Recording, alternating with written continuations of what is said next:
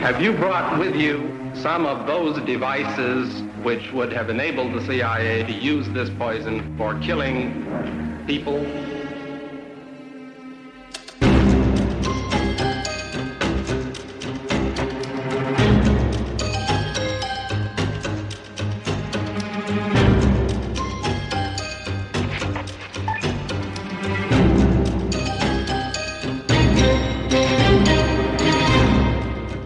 Er det for en folder, du har Jamen, det, det er jo bare fordi, der er et godt billede af mig nede i, da vi står dernede i, i Sydafrika.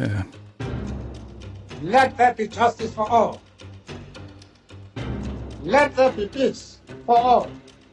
Du er med til at indføre og sikre en embargo mod våben og energi til Sydafrika, mm. som ifølge ANC og Mandela er med til at vælte apartheidsystemet. Det, et, det et, siger han. Det anerkender Mandela. The mind and the soul have been free to fulfill themselves. Never, never, and never again shall it be that this beautiful land will again experience the oppression of one by another. Du lytter til det hemmeligste af det hemmelige. Et program om den kolde krigs hemmeligheder. Mit navn er Anders Christiansen, og med i studiet er dokumentarist Christian Kirk Muff.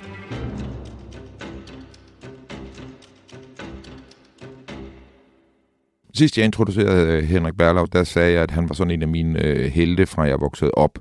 Og så snakkede vi om Scandinavian Star, og, og det er sådan set ikke, fordi at Henrik har været nogen stor held i den sag lige. Altså, du har været involveret i den og så videre. Men, men det, der havde givet mig et indtryk af Henrik, da jeg voksede op, det var øh, hans arbejde i Sømændenes Forbund. Og øh, jo særligt øh, arbejdet omkring øh, at støtte ANC og Mandela i Sydafrika igennem en overrække i forhold til at besværliggøre den ulovlige våbentransport, øh, der foregik derned. Mm. Og så er Henrik en øh, skæbne historie af altså helt ud af proportioner øh, i forhold til noget andet, jeg faktisk kender. Øh, Henrik er... Øh, ja, det kan vi jo snakke lidt med dig om, Henrik. Velkommen til. Ja, velkommen til. Jeg skal bare lige sige, at hvis man ikke øh, er gammel nok til at huske det, skal man øh, tænke på, at især Sydafrika var jo genstand for et kæmpe boykot, øh, i hvert fald officielt øh, under apartheidstyret. Øh, det begyndte i hvert fald i løbet af 80'erne. Ja. Så var Sydafrika nogen, man ikke officielt overhovedet ville lege med. Og der var store protester hvis det var, at der var nogen, der gjorde det. Jeg kunne huske, øh, der hvor jeg voksede op, var der stor grafit, hvor der stod Burn Shell to Hell, hvor Shell blandt andet var en stor øh, skurk, øh, fordi at de, øh, altså de blev ved med at arbejde med, med Sydafrika. Ja, og, og, og der var store øh, sådan musikere, der forsøgte at lave sådan en live aid bare med, i forhold til, at man skulle øh, lave boykot mod Sydafrika. Øh, I ain't never gonna play Sun City øh, var et nummer, der samlede penge ind til ANC. Ja. Øh, og det var du meget involveret i, Henrik. Ja. Ja, forbundet var... jo, men det var, var jo... Også mig, selvfølgelig, ja. Ja, fordi du var jo den, der havde den internationale, de internationale opgaver i Sømændenes Forbund. Er det ikke rigtigt forstået?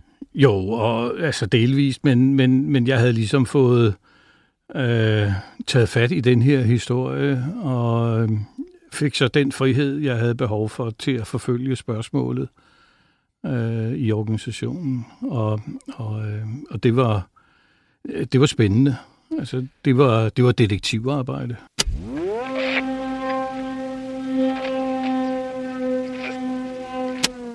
Vi kan lige en hurtig tur igennem kronologien. Du er født i Søborg. Du er øh, vokset op i øh, lavere social klasse, social, udst- sådan, social sårbar.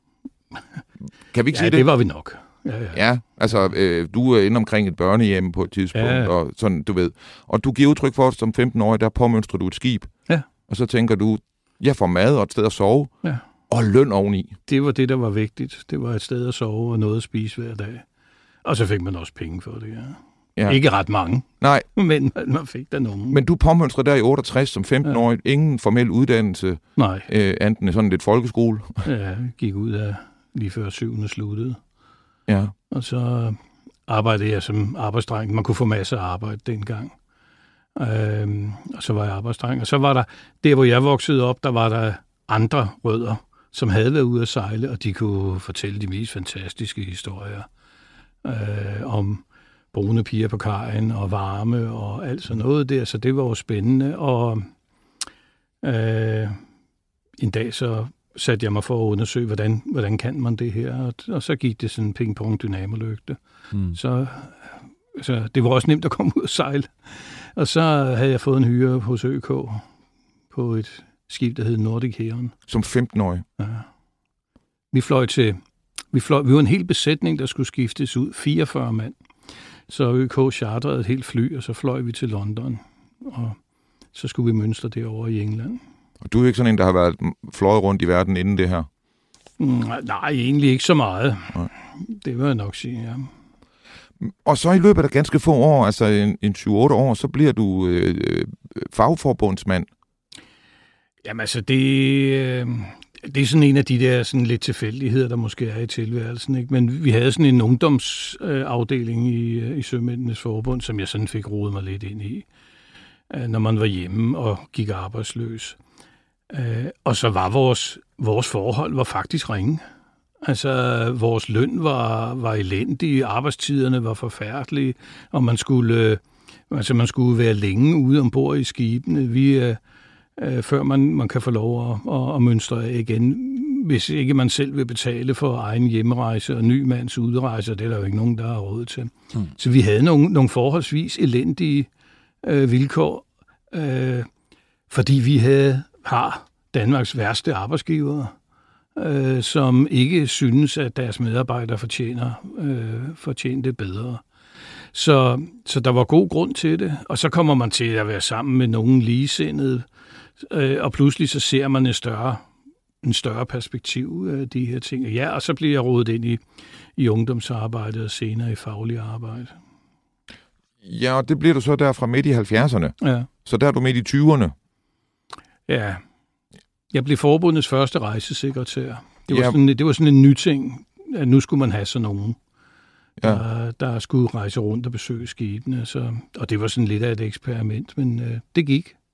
Er det igennem de rejser rundt, at du begynder at høre historier om øh, våbentransporter til Sydafrika? Nej, det er det egentlig ikke. Det er, øh, det er på kontoret. Altså, vi fik et hav af breve hver dag fra skibe med spørgsmål om det ene og om, om det andet, og de blev så fordelt. Ikke? Og på mit skrivebord, der havnede der så et, øh, et, øh, et spørgsmål fra et af Trigons skibe, hvor de spurgte til, om der var øh, fartillæg for at sejle til Sydafrika med våben, fordi det var det, de var i gang med. Og Trigon, det var et dansk rederi? Trigon var et dansk rederi, der boede op i Vedbæk, ja. Og hvornår? Så er der ikke mere for den statsbetalte 25 øre. Efter 24-7's lukning er Det Hemmeligste af det Hemmelige blevet en podcast, du skal betale for.